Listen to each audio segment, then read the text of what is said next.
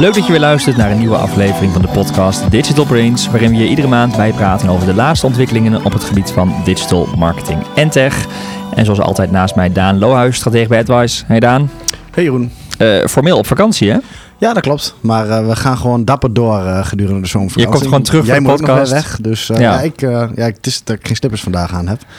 Ik had bijna expres gewoon gedaan. Maar, maar niet ingevlogen, je was nog thuis. ik was nog thuis. Je gaat nog wel weg? nee, ook niet. Ook niet, gewoon lekker thuis. Ja. nou, fijn dat je in ieder geval terug kon komen. Want met alle liefde. Deze aflevering hebben we natuurlijk iemand die we al heel lang op ons wenslijstje hadden staan. Uh, en die vandaag daadwerkelijk dat aansluit.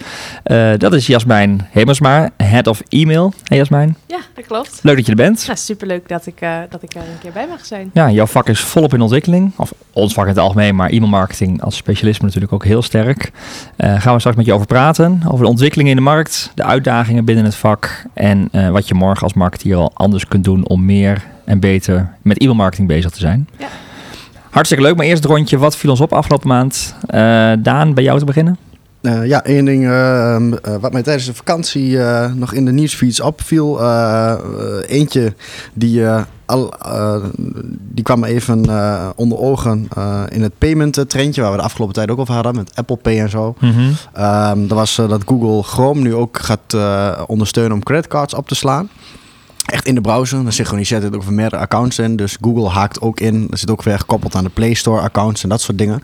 Dus uh, Google haakt ook uh, daar uh, een deel in op die payment trend. Om te zeggen van ja, uiteindelijk degene waarbij je het, ja, waarbij je creditcard op opgeslagen, die heeft de login, zeg maar. ja, die heeft natuurlijk een hele hoop macht over de transactie en aankopen. Ja. Als je dan gaat nadenken bijvoorbeeld over Google Shopping, waar we het vorige over hebben mm. gehad. Dat die buy button in Google Shopping komt en Google Chrome heeft al je creditcard opgeslagen. Dan doe je ja, bij het frictieloos bezig bij Google. Dus dat was al. Uh, en en ook weer die trend, hè? De, de, partijen zijn op zoek naar onze transactieinformatie. Ja. Want ja. daar kunnen ze bij wijze van spreken hele goede profiling op, uh, op doen. Ja, ja, je, je ziet alle afrekeningen, alle geldstromen van een enkele gebruiker of meerdere devices heen. Dat is natuurlijk super waardevolle data waar je allerlei dingen mee kan doen. Ja. Moet één uh, nog even terugkomen op het item van de vorige podcast. Hadden we het over dat ING ook daadwerkelijk transactiegegevens gebruikt voor uh, marketing. Oh ja. Die hebben het bekendgemaakt. Mm -hmm. Ik geloof dat ABN AMRO het al jaren doet. Oh ja. En Rabobank uh, het overwoog. Oh dus oh ja. uh, ze zijn er wel allemaal mee bezig. Maar ING was groot in het nieuws. Maar ja. wij zeiden het een, een voorloper. Maar dat viel dus nog wel mee. Maar, het gebeurt wel al. Uh, voorloper op het gebied van transparant zijn. Transparant zijn in ieder geval wel. Ja, dat is ook iets wat wel steeds belangrijker wordt. Helemaal de bankenwereld, ja. En um, een tweede ding, uh, wat eigenlijk wel iets omvangrijker was nog, vond ik uh, veel meer op. Uh, vorige week ergens, of begin deze week aangekondigd, dat IBM Watson ook een marketing cloud um, ja, dienst gaat oprichten. Um, waar je eigenlijk in een veld waar ja, heel veel traditionele spelers nog zijn. Even die IBM Watson, voor degene die dat niet weten, is misschien heel inhoudelijk, wat, wat, wat, wat is het? Ja, IBM Watson is eigenlijk de tak uh, van IBM die zich bezighoudt met machine learning en AI ook. Dus um, is in het verleden ook al vaker vrij bekend geworden. IBM is natuurlijk toen met Deep Blue, met die computer die won van de schaker ja. Kasparov. Tegenwoordig in de laatste trends is het Google wat meer met het DeepMind, met het AlphaGo. Met, even ben het spelletje gewoon kwijt. hoe heet het ook alweer? in ieder geval het Japanse bordspelletje wat ze wonnen en zo. Wat, wat groter het nieuws was geweest. Go. Go, ja. ja nou, go gewoon, zeg Wouter. Bedankt, Wouter. Ja. go. Ja, precies. En, um, maar daar, iets daarvoor was IBM Watson ook bijvoorbeeld... Uh, daar hadden ze de, uh, de computer of eigenlijk algoritme gebouwd... wat toen Jeopardy, zo'n grote Amerikaanse quiz, uh, won. Mm -hmm. Ergens in 2013, geloof ik. Um, wat best wel bijzonder was, want dat deed hij eigenlijk met allerlei Wikipedia-data. Watson kende het internet en kon daardoor een spelquiz winnen. Ja. Waar je best wel complexe dingen deed. Zoals je, dan kreeg je de vraag te horen. Nee, je kreeg het antwoord te horen. Dan moest je bedenken wat de vraag was. Mm -hmm. Dat deed dat algoritme heel goed. Dus IBM is gewoon een grote uh, speler op AI-gebied wel. En uh, die gaan dus nu meedoen aan ja, marketing cloud oplossingen. Wat eigenlijk inderdaad alles met marketing automation, klantdata, et cetera is. Eigenlijk alle cloud software. We noemen het ook wel de village of tools. Alle tools waarmee je als marketeer kan werken. Uh, om dat vlak mee gaat doen. En dat veld is nu eigenlijk heel erg gedomineerd door Oracle. En die hebben software zoals Eloqua of NetSuite. Waar wij binnen AdWise ook mee werken als ERP-systeem. Of Adobe, wat altijd al meedeed met Google Analytics, onder andere met Adobe Analytics, wat eerder altijd Omniture heette. En nu een Experience Cloud hebben opgezet. En natuurlijk grote spelers zoals Salesforce, met, die ook een eigen marketing cloud hebben, maar ook weer allemaal platformen hebben overgekocht, zoals e-mail marketing met Pardot en HubSpot, marketing stacks. En uh, maar dat, wat ik net al zeg, hoort al een beetje. Dat is een hele hoop verzamelingen van software die weer aan elkaar geknopt zijn met een hele legacy historie en code die tien jaar teruggaat, wat eigenlijk als eindgebruiker niet zo lekker werkt. En IBM Watson heeft dan de belofte van, hè, we hebben heel veel kennis op AI-gebied, met mm -hmm. uh, dat ze wat dat soort systemen dus echt een gigantisch brein eigenlijk. Echt hè? een heel groot brein, een best wel grote club die nu zegt we gaan hier uh, all in op, uh, met echt iets van 100 of 200 man van IBM ook, data scientists die echt goed daarin zijn. Ja. Wat die bedrijven traditioneel zo goed, niet zo goed hebben. En ze beginnen from scratch. Dus ze gaan echt met een nieuw platform beginnen. Dus ik ben heel benieuwd wat, uh, ja, wat die daar kunnen doen op dat gebied. Ik hoorde gisteren, was ik bij een uh, sessie van Ruud Veltenaar, filosoof, TEDx-spreker en trendwatcher. En die gaf ook aan, aan dat er als situaties zijn waarbij een arts op basis van een bepaalde kankervorm dat in IBM Watson kan, kan of in Watson kan Ja. gooien en dan de diagnose krijgt en de behandeling en het medicijn wat misschien nog niet bekend was bij die arts en bewezen is, maar wel waarvan ze resultaat hebben zo goed eh, is de overlevingskans. Dus de computer kan eigenlijk beter de arts zijn dan de arts zelf. Ja. Wat natuurlijk ook heel erg de vraag op waar gaat, eh, als het allemaal doorzet zo, waar gaat het met de, die bedrijfstak naartoe? Eh, plus dat we over tien jaar, geloof ik, 100 eh, IQ gewoon in ons, als chipje in ons iPad kunnen stoppen. En waarschijnlijk de jaar, tien jaar later 100.000 IQ bij elkaar kunnen krijgen door de techniek. Dus het gaat veel meer over de emotionele kant dan de intelligentie. Om met eh IBM Watson gaat het heel hard, eh, bijvoorbeeld. Ja, en dat is dus voor zoveel doeleinden inzetbaar. Dat ze nu ook zeggen van, goh, we gaan dat op marketingvlak ook eh, dat soort Ja. kracht uitrollen. En dat zit natuurlijk traditioneel niet zozeer in een Adobe of een Oracle of een eh, Salesforce. Nee, het dus ik ben heel benieuwd dat. wat dat eh, ja, die toevoeging gaat brengen. Ja, en AI nou, ja, speelt ook een rol in e-mailmarketing en Jasmijn. Daar Ja, gaat het Ja, ook in de marketing cloud is ook heel Marketing, veel ja. natuurlijk. Interessant, ja. ja. Gaan we het zo nog verder over hebben. Eh, eerst even het nieuws wat jou opviel afgelopen maand. Nou, mijn nieuws, eh, nieuws gaat ook uiteraard over, eh, over e-mail. Eh, afgelopen maand is de nieuwe DDMA e-mail ben- benchmark uitgekomen. En ehm, die benchmark geeft eigenlijk de cijfers weer, de belangrijkste ratio's in e-mailmarketing over de verschillende branches van 2018. En in 2018 is natuurlijk ook het jaar geweest waar eh, eh, de AVG eh, is ingegaan. Dus heel interessant om te zien wat die ontwikkeling eigenlijk heeft gedaan met de ratio's. Ja, ook En- die mailbommen die je dan in Ja. eh, 28 mei kreeg van Ja. mogen je nodig toestemming waren en om ja, te precies. sturen. Ja. Dus eh, eh, daarmee zijn wel, je ziet wel dat eh, doordat bedrijven die keuzes hebben gemaakt om die mails te gaan versturen, eh, dat eh, eh, databases echt wel heel veel kleiner zijn geworden. Ja.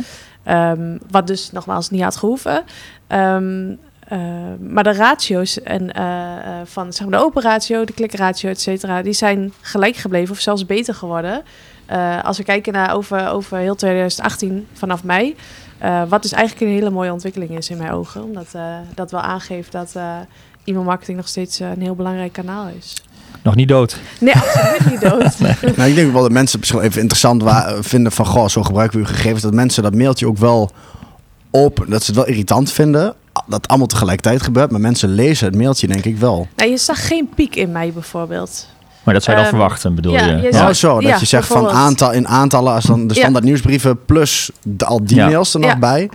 Ja, of dat misschien dan bedrijven dan in plaats van een nieuwsbrief dat hebben gedaan. Of, ja. Ik zag een presentatie van jou, dat vond ik wel mooi, dat eh, de behoeftepyramide voor ontvangers van e-mail. Ja. De eerste stap is eigenlijk gewoon respectvol. Hè? Eh, zorg dat je het e-mailadres legaal verkregen hebt Ja. en mensen mag mailen. Als dat goed zit, ja, dan natuurlijk moet je verder de uitdaging waar we het zo over gaan hebben. Maar dan heb je al een belangrijke horde genomen. Daarom, dat is het en heb je het vertrouwen al. En Er Ja. wordt heel vaak overgeslagen dat eh, mensen die e-mailmarketing serieus willen inzetten, die gaan gelijk eh, kijken naar wat is eh, de stip op de horizon. Ik wil eh, hele gave, spannende e-mails met interactieve elementen. Maar Ja. zorg eerst dat die basis goed is. Ja. Pas dan kun je echt goed gaan e-mailen. Mooi. Eh, we gaan uiteraard ook in onze show notes een linkje zetten naar dat rapport. Kun je alle details zelf lezen, mocht je daar interesse in hebben. En de show notes vind je op advice.nl slash podcast 27. Dan viel mij nog iets op. Politiek en marketing. Eh, persoonlijke advertenties die vooral, door, ja, die vooral door Google en Facebook ingezet worden, moet, eh, moeten worden teruggedrongen. Eh, volgens D66 ehm, zijn dat soort advertenties voor een heel groot deel verantwoordelijk voor nepnieuws, manipulatie van verkiezingen en het schenden van privacy. En dus eh, willen ze een, een wet die eh, ja, het personaliseren van advertenties terugdringt. Haalbaar, eh Ja, Daan? ik denk ook dat auto's verboden moeten worden omdat er ongelukken gebeuren. Net zo gevaarlijk bedoel je? Ja, ook levensgevaarlijk, joh. Dat is veel erger. Nee, ja, het is een beetje... Ja, eh, ik- denk dat ze ook iets meer context hebben, maar ik denk dat er twee problemen mee zijn. Ik denk dat, je, dat het probleem echt is. Um, alleen dat je, ja, gepersonaliseerde advertenties zijn natuurlijk ook, ja, uh, de standaard van het internet. En ja. um, uh, denk dat er ook goede dingen, als je er een goede veiligheidsnet omheen zet, dat je er gewoon goede dingen mee kunt doen. Um, daar worden al wel stappen voor genomen, natuurlijk internationaal gezien. Maar dan snijd je gelijk het andere probleem aan. Dat wat, wat wil je als Nederland ja. op het internet met een coalitiepartij die wat, wat gaat roepen? En ja. Zo vind ik ook wel een hele hoop dingen die gewoon in mijn dagelijks leven niet mogelijk zijn, omdat er andere mensen in de wereld zijn in heel internationale landen. En dat ga je niet als Nederland alleen oplossen. Dat zou echt op Europees nou, Ik vind vooral dat het duidelijk moet zijn dat uh, wat nou een commerciële boodschap is en wat gewoon een bericht is. Dus dat dat meer gescheiden is. Ja, en dat, uh, de, de, de afzender, en dat zeg je in de krant, zegt hij dan, daar zag je voorheen heel duidelijk, dit is ja. redactie, dit is advertentie. Dat zie je natuurlijk veel minder goed nu. Uh, hij heeft ook nog niet concreet de oplossing daarvoor. ik zei net trouwens volgens mij verbod, maar daar zien ze niet direct iets in. Maar ze willen wel iets ja, gaan doen, waardoor dat persoonlijke uh, advertenties dat dat niet meer lukt of veel minder ja, mogelijk dat is. terugdringen inderdaad. Ja. Maar ja, dan zou je op Europees niveau iets moeten aangeven. Ja, volgens mij is dat ook al gezegd, hè, politieke advertenties. Ja. Dat is ook een, een dingetje geweest, want laatst was ook het uh, juist van de EU dat ze zeiden ja, Facebook, want er gaat heel veel campagnegeld ook weer mm-hmm. van EU-campagnes voor de afgelopen Europese verkiezingen naar Facebook toe. Dus ja, dat, de Facebook dwarsbond dat weer, want toen met hun ja, in dit geval goede bedoelingen. Dat heeft Facebook soms. Um, zeiden ze van ja, we willen graag transparant zien waar campagnegeld vandaan komt. Zodat niet Rusland Amerikaanse verkiezingen kan nee, beïnvloeden. Ja. ja. wat kreeg je dan? Dat een, dus een, uh, een lokale Nederlandse partij die op Europees niveau wil acteren, die dus ook wat wil gaan doen in Frankrijk dat dat werd afgekeurd. Dat kan er niet meer. Ja. Nee. En dus in al die ja, lidstaten onderling konden ze niet, zeg maar, het ene partij uit wat in één land gevestigd was, kon niet in Europa campagne gaan voeren. Ja. Dus dan zie je ook dat het best wel complex ligt als je daar echt wat aan wil doen. Ja. Klinkt maar goed, uh, mediamagnaat John de Mol uh, heeft Facebook voor de rechter gedaagd. Omdat er dus allerlei nep-advertenties op social ja, netwerken... Ja, over de bitcoin. Alexander Klupping hetzelfde. Eraan werd gekoppeld. Ja, en dat het platform eigenlijk niks doet of te weinig doet om dat tegen te gaan. En dat is, ja, dat, dat is, dat is wel, echt een reëel probleem. Ook, de ja. algoritmische controle op dat soort dingen is gewoon verschrikkelijk lastig. Want ondertussen hebben wij hier in de praktijk een keer gehad dat we iets hadden voor een onderwijsinstelling gingen adverteren. En er stond gewoon uh, ergens in de tekst woordje bitcoin en het werd al afgekeurd. Ja. Ik denk, hoe kan het dat ja, wij met onze goede bedoelingen Zo gewoon iets weer. met een woordje bitcoin erin uh, adverteren. Omdat het iets, een, een, toekomstige ontwikkeling was voor een opleiding. Ja. En ondertussen staan dat soort dingen kennelijk nog live. Dat ik denk, ja, dan hebben ze het woord bitcoin er niet in staan waarschijnlijk. Nee, en dan zeggen ze, John de Mol heeft heel veel geld verdiend. Kijk eens hier hoe. Een crypto of weet ik veel. Maar dat en, kunnen ze dan nog niet. En ik denk, AI is niet zover. Uh, nee. Dus hoor nee. net over halen. We gaan het uh, hebben over e-mail marketing. Uh, we gaan daar wat op inzoomen in deze aflevering. Er gebeurt veel, veel ontwikkeling waar we het over gaan hebben. Even, denk ik, wat meer, wellicht de technische kant. Ik weet niet heel goed wat de impact daarvoor is, maar we hebben het natuurlijk ook sterk over dynamische content, e-mails, ANP. Maar wat zijn een beetje de ontwikkelingen, Jasmijn, die jij nu ziet in jouw vakgebied? Ja, de belangrijkste ontwikkeling, die, die noem je eigenlijk al wel. Um, de mogelijkheid om e-mails steeds interactiever te maken. waardoor het eigenlijk niet meer nodig is om de e-mail te verlaten, om naar een webpagina te gaan om je verdere informatie te vinden. Um, je kunt daardoor uh, bijvoorbeeld achter tapjes kun je heel veel aanvullende extra informatie stoppen.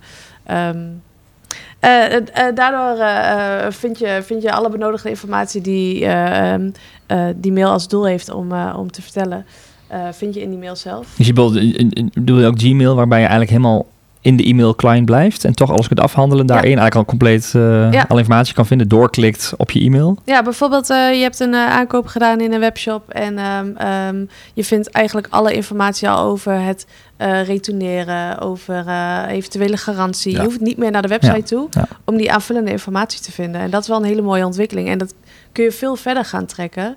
Uh, uh, door bijvoorbeeld um, in een eerdere fase voor een aankoop, dat je echt al uh, heel veel productinformatie en specificaties kunt tonen, mm -hmm. zonder dat de mail zelf.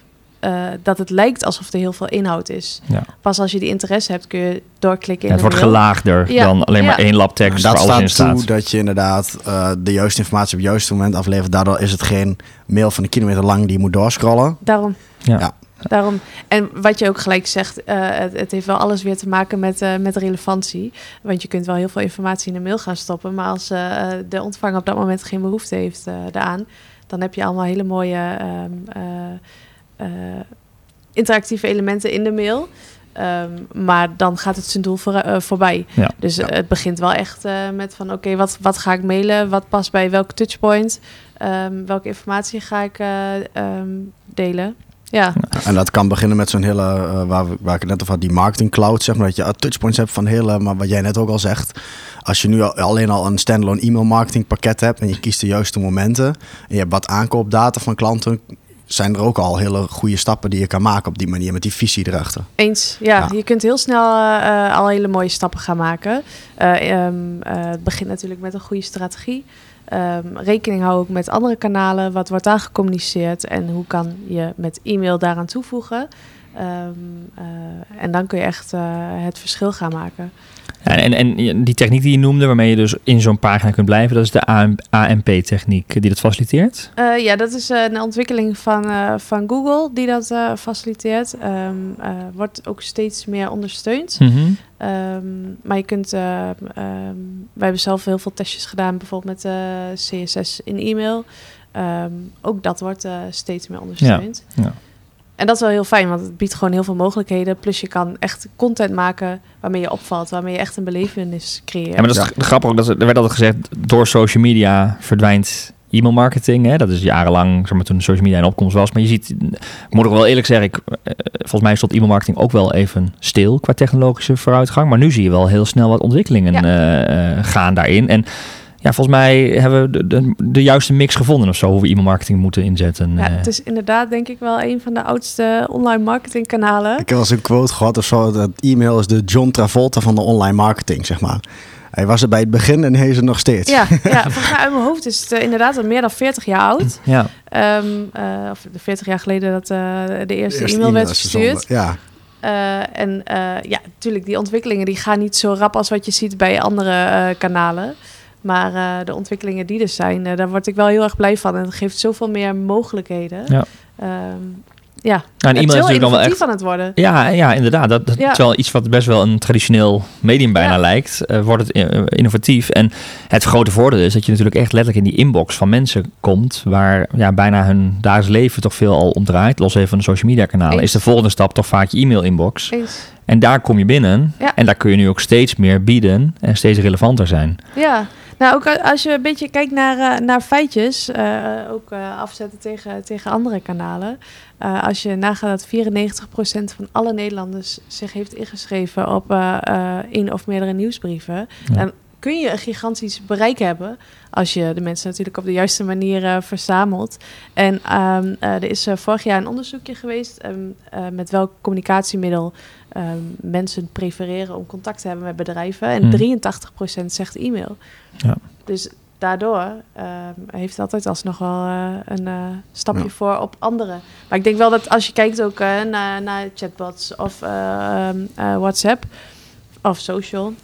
Het, het, kan allemaal heel goed met elkaar samenwerken. Mm -hmm. Ik denk niet dat het een het andere zal. Um, het is een van de touchpoints ja. in de journey, bedoel ja, je dan? ja. ja, ja. ik, ik, had ook al in de notities vooraf al een beetje gezegd van hey, hoe staat het nou in verhouding tot dat meer dialogue marketing, zeg maar. Inderdaad. Maar het is ook maar een touchpoint. Als in van je kunt een WhatsApp bericht versturen, maar dat is niet hetzelfde als een mailtje. Eens. Of een chat is ook niet hetzelfde als een mailtje. Een mailtje is meer echt de, ja, wat meer content als het er wat toevoegt in plaats van alleen maar een signaal van je bestelling is onderweg. Je kunt wat meer laten zien, wat meer informatie, merkbuttons toevoegen. Mm. Dus ik denk dat het inderdaad altijd nog wel relevant blijft. Zeker Daarom. voor een hele ja, uh, scharen aan mensen die natuurlijk nu de afgelopen 20 jaar is opgegroeid. Alleen al, dan ben je opgegroeid met e-mail. Dus dat is ook niet zo gauw meer weg te denken uit je dagelijks gedrag. Maar het voegt ook echt wel wat toe ten opzichte van ja, gewoon berichtjes of voice. Of, uh, Klopt. Wat echt niet zomaar weggaat. Het zal elk op een ander moment zal het relevant zijn. Bijvoorbeeld, uh, ik ehm, heb wat online besteld en ik wacht op mijn bestelling. En dan, ik weet dat het vandaag wordt uh, geleverd. Stel ik zou een uh, e-mail krijgen of een sms'je of een WhatsApp bericht um, met wanneer mijn ja. product wordt bezorgd. Dan zou ik op dat moment voorkeur hebben voor een sms'je, omdat ik dat eerder zal lezen dan mijn e-mail. Mijn e-mail check ik niet elk moment van nee, de dag. WhatsApp, of een, een sms'je of WhatsApp bericht, dat is veel korter. Hè? Ja. Dat kijk je gelijk. Terwijl e-mail misschien een keer eind van de dag... Uh, Daarom is op dat ja. moment uh, zal uh, sms'je of WhatsApp zal voor mij interessanter zijn. Terwijl e-mail, ik denk op andere momenten um, voor de bestelling Ja. of echt daarna als opvolging zou dat veel, veel beter werken dan. en je klantenservice doe je weer met WhatsApp of via andere chatprogramma's. maar, maar, en natuurlijk het, zeg maar, de latente behoefte van een gebruiker aan trekken met e-mailmarketing. En iemand gaat of actief op zoek, maar je kunt ze ook verleiden door een e-mail steeds als het nieuwsbriefvorm te versturen. Eens. Waarmee je denkt, oh, ik ga daar weer wat kopen. Ja. Of, uh... nou, wat, wat ik heel veel zie uh, in, de, in de statistieken voor de, voor de klanten waar ik uh, voor mag werken, is dat e-mail heel erg ondersteunt aan een aankoop. Ja. Um, dus het zit echt in het pad. Het is niet vaak um, het laatste communicatiemiddel wat iemand echt over de grens trekt om, om een aankoop te doen.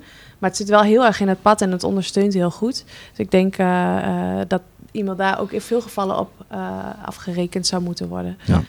Ja. de grote uitdaging is wel dat, dat we praten natuurlijk al voor heel veel bedrijven en heel veel marketeers misschien ook wel over de toekomst.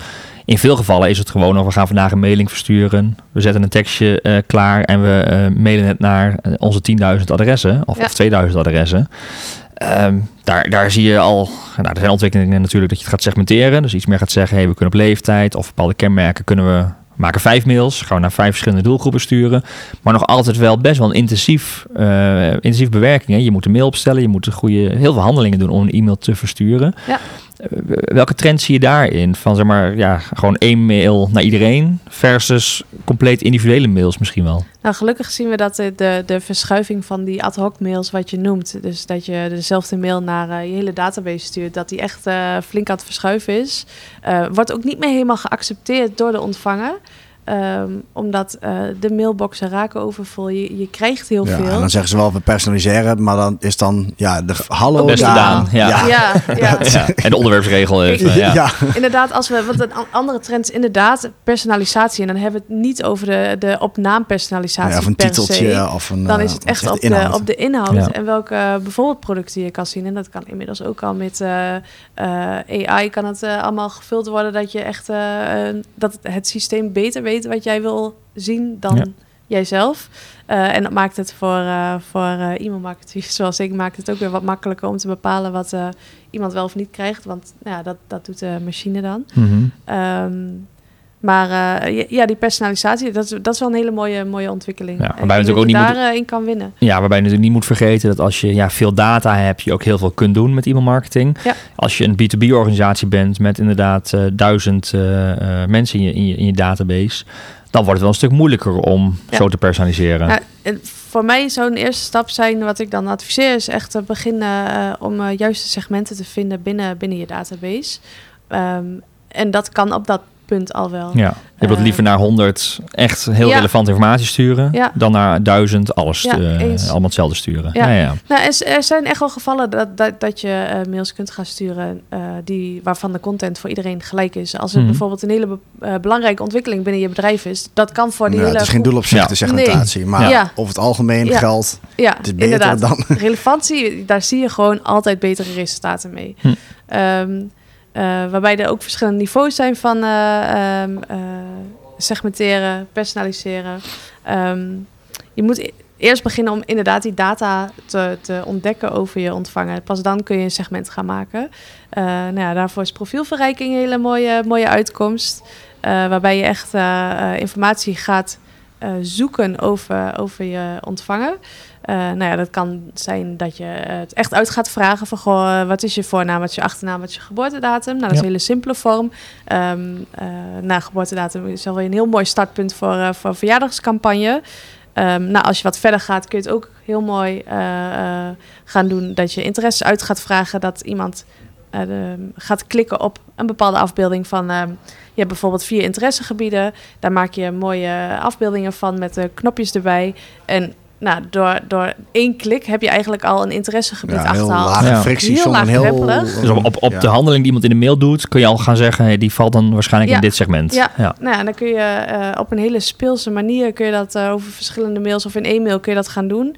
Nou, dan als je er echt een spelletje van maakt, dan heb je eh, nog meer kans om eh, meer data te genereren. Eh, nou, daar kun, je, daar kun je heel mooi gebruiken Mhm. om segmenten te maken. En uiteindelijk het gedrag geeft superveel informatie. Dus dat is denk ik eigenlijk wel weer de, de, de laatste stap. Dat je echt gaat kijken van oké, op wat voor een type artikelen uh, klikt iemand. Of misschien kun je het websitegedrag wel meenemen. Of het ja, echt, dan krijg je dat marketing cloud idee ja. een beetje. Dat je zegt, je aankoopgeschiedenis erbij halen, de website kliks. Ja, uh, maar voordat je naar een super locatie. duur pakket gaat, want ik denk dat we dat wel kunnen zeggen dat als je naar een mm Salesforce gaat, dan, dan, dan zit je wel... Ja, dingen koppelen, dat is, dat is ook kostbaar. Ja, maar dat is essentieel voor je business. Er is ook wel perspectief. Dat geldt lang niet voor elk bedrijf. Nee. en als je daar nog niet aan toe bent, kun je al wel heel veel zelf in je uh, e-mail marketing tool in veel gevallen. Mhm. Ehm, eh, door zelf echt al wel veel op te zetten en daar je segmenten in te maken. Zelfs in een tool als Mailchimp kan het bijvoorbeeld. Hè? Die wat aan de onderkant hoort, kan in ieder geval wat segmenten opstellen. Het, ja, dat zou kunnen. Ja, ja, ja. ja. Nou, wat ik ook nog wel veel zie, is dat uh, e-mail dan alleen vanuit, uh, vanaf de marketingafdeling wordt gebruikt. Terwijl het ook heel erg, zeker als het om digitale producten of diensten gaat, maar ook inderdaad veel in de serviceverlening, dat als je het inzet echt bedrijfsbreed voor inderdaad communicatie van zo laat komen we langs. Of uh, echt wat ook de experience van ja, hetgeen wat je doet of levert als bedrijf. Ja. Als je daarin mee gaat rekenen, Ehm, dan, dan is de business case ook vaak al een heel stuk beter. Dus dat je niet alleen maar een nieuwsbrief verzendt, maar dat je het ook gebruikt als ja, servicekanaal. Journey, hele service. Ja, als je net uh, de klantenservice hebt gepasseerd en even van ja, niet alleen vragen hoe het ging, maar misschien ook wel uh, nazorg, is het probleem al opgelost? Zo niet, klik dan hier, dan help je je verder. Dat soort dingen. Dan, ja. sowieso, als, als er een uh, customer service afdeling is, is dat ook een bron van informatie voor e-mail. Ja stel je weet bijvoorbeeld dat uh, over bepaalde onderwerpen heel veel telefoontjes standaard komen bij je, bij je customer service. Um, je kunt proberen om, om, als je de juiste uh, punten pakt in die journey, uh, als je op dat moment de, een e-mail gaat sturen waarbij die informatie wordt geleverd. Met de juiste handleiding voor de oplossing. Vlak voordat iemand al de vraag gaat hebben, ja. dan neem je de druk ook weg in je kussen. Scheelt een heel stuk van het gesprek. Dus ik zal ik wat informatie sturen? Ja, ja. Oh, nou, ja dan, ga je, bel maar weer. Ja, dan ga je echt bijna een afdelingen faciliteren en daarmee ook druk weghalen. En dat is ook, ook wel, volgens mij wat je zegt, daar, daar moeten we steeds verder naartoe gaan. Dat we bijna geautomatiseerde journeys bouwen, uh, waar e-mail altijd iets in kan betekenen. Daar ben je eigenlijk niet meer mee bezig als marketeer om elke mail handmatig te versturen. Maar je richt hem zo goed in dat eigenlijk op het moment dat er een frictie of een risico of een handeling gebeurt of iets in het gedrag gezien wordt, wat de, bijvoorbeeld een, een, een ervaring negatief kan beïnvloeden, dat je dat gelijk met de juiste e-mailmarketing weer opvolgt. En dan krijg je dus ook niet de concurrentie met die één op één uh, communicatie, want dat gebeurt bijna in e-mailmarketing in e-mailmarketing dan ook. Dan is e-mailmarketing ook de mogelijkheid om één op één te communiceren. Ja, ik geloof heel erg in het uh, automatiseren van e-mails. Um, uh, daar kun je inderdaad weer uh, terugkomen op de touchpoints. Uh, heel mooi uittekenen. Oké, wat gebeurt er nou in, in welk proces en hoe kan ik daar vanuit e-mail aan ondersteunen? Dat iemand of meer gaat aankopen, dat, dat je meer informatie over iemand krijgt. Weet je, die profielverrijking kun je over al je kanalen gaan gebruiken. Dus daar, mhm. daardoor nog waardevoller. Um, after sales, customer service. Um, maar dat levert ook weer informatie op inderdaad voor je database. Als je van, uit die klant weer wat meer wil halen. Want je weet wat voor problemen ze hebben gehad. Wat van, omdat je het ook inderdaad weer... Je maakt weer data van, van die handelingen. Als je het puur over de telefoon doet, ja, kan ook. Maar dat is veel complexer. Als je het inderdaad ook via een digitaal kanaal afhandelt op die manier. Zit het in hetzelfde systeem, op dezelfde plek. Ja. Je triggert de automatische e-mails op iemands gedrag, op iemands handelingen. Uh, waardoor je altijd super relevant bent. Ja. En, dus, en, uh, en dus geopend wordt, gelezen wordt, waardevol bent. Uh, nou ja, je ziet ook hele andere ratio's inderdaad bij de, bij de automatische mails dan bij de handmatig verstuurde mails. Ja. Um, is ook niet zo gek. Um, maar, um, uh, het is wel weer een feitje, het, wat ja, jij zegt. Het, is, gewoon feit. Ja, dat. ja, maar je bent relevanter. Je, ja. je aantallen zijn minder hoog, want het is heel veel één op één. Maar het ligt ook in de lijn der verwachting. Hè? Weet je, als ik, als ik heel simpel gezegd, als ik mij inschrijf voor een nieuwsbrief, dan verwacht ik dat ik daar in ieder geval een bevestiging van krijgen. Of een welkomstmail of een flow het liefst. Um, uh... Ja, maar dat is, eh, kijk, jij zegt dit als wat vanzelfsprekend is. Maar precies dat, hè. Je hebt een nieuwsbriefformulier op je website staan. En dan krijg je, de mensen melden zich aan, je krijgt een berichtje uh, gewoon in de browser te zien. hey, aanmeldingen, dankjewel voor je aanmelding, punt. Vaak stopt het dan, hè? Krijg je zes weken later of zo. Die, eerste nieuwsbrief. Algemeen ding. Ja. Ja. maar vaak stopt het dan. Dus als marketeer kun je morgen al ja. e-mailmarketing gaan verbeteren door te zeggen: Oké, ik meld me aan voor een nieuwsbrief. Of, of, een klant of een prospect meldt zich aan voor een nieuwsbrief. En dan, hè, wat zijn de twee, drie mails die je erachteraan gaat krijgen om kennis te maken, informatie te krijgen? Ja, en kunnen we ook stoppen om iets een nieuwsbrief te noemen, zeg maar. Of de, ja, snap wat ik bedoel? En ja. ik heb altijd allergisch. En ik, ik heb het ook zelf in cases gehad dat je ze neerzet van schrijf me in voor de nieuwsbrief, punt. Ja. Wat krijg je dan als je een nieuwsbrief krijgt? Of algemeen bedrijven die hun e-mailing een nieuwsbrief noemen, ik denk dat ook wel een categorisering is te maken. Die hebben slechtere open ratio's misschien wel. Als je het inderdaad uh, iets neerzet van ontvang dit of dat per mail of ja, maandelijks update over X, wat jij interessant vindt, die waarden er ook echt Zo'n containerbegrip, die nieuwsbrief. Ja, ja. Hm.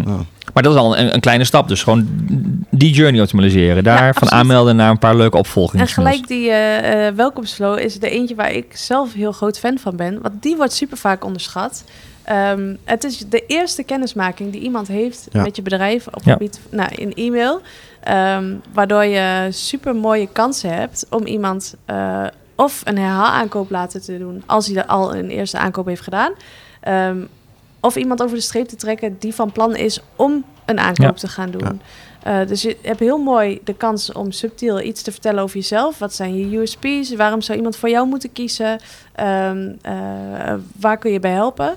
Uh, en dan heel subtiel naar een commercieel doel toe gaan werken. Ik denk dat het een heel goed punt is, want vaak mis je de kans dat op het moment dat mensen zich inschrijft voor de nieuwsbrief, ja, je moet ijzer smeden als het heet is, dan heb je dus interesse, wil je dat graag ontvangen. En dan hoort je drie maanden later hoor je wat. ja. Paar, dat gebeurt zoveel. Ja, absoluut. Dat is echt zonde. Ja. Ja. dus zorg dat je aan top of mind blijft en, zo, en gebruik het juist, dat signaal wat, wat iemand afgeeft. Dat is uh, meestal de, de uh, e-mailcampagne waar het meeste geld uit komt. En die wordt echt super vaak onderschat. Ja. Dus, denk van, oh, we hebben een goede, we hebben de data, dus dan kijken we nog een keer wat mee gaan doen. Een mooie tip. En, en daarnaast denk ik met name wat je zei, het segmenteren. Zorg dat je zo ook heb je een kleine groep aan, aan uh, abonnees, kijk wat je toch kunt segmenteren om relevant te zijn. Ja, ga, ga gewoon starten met een groep. Begin met uh, bijvoorbeeld twee of drie uh, segmenten.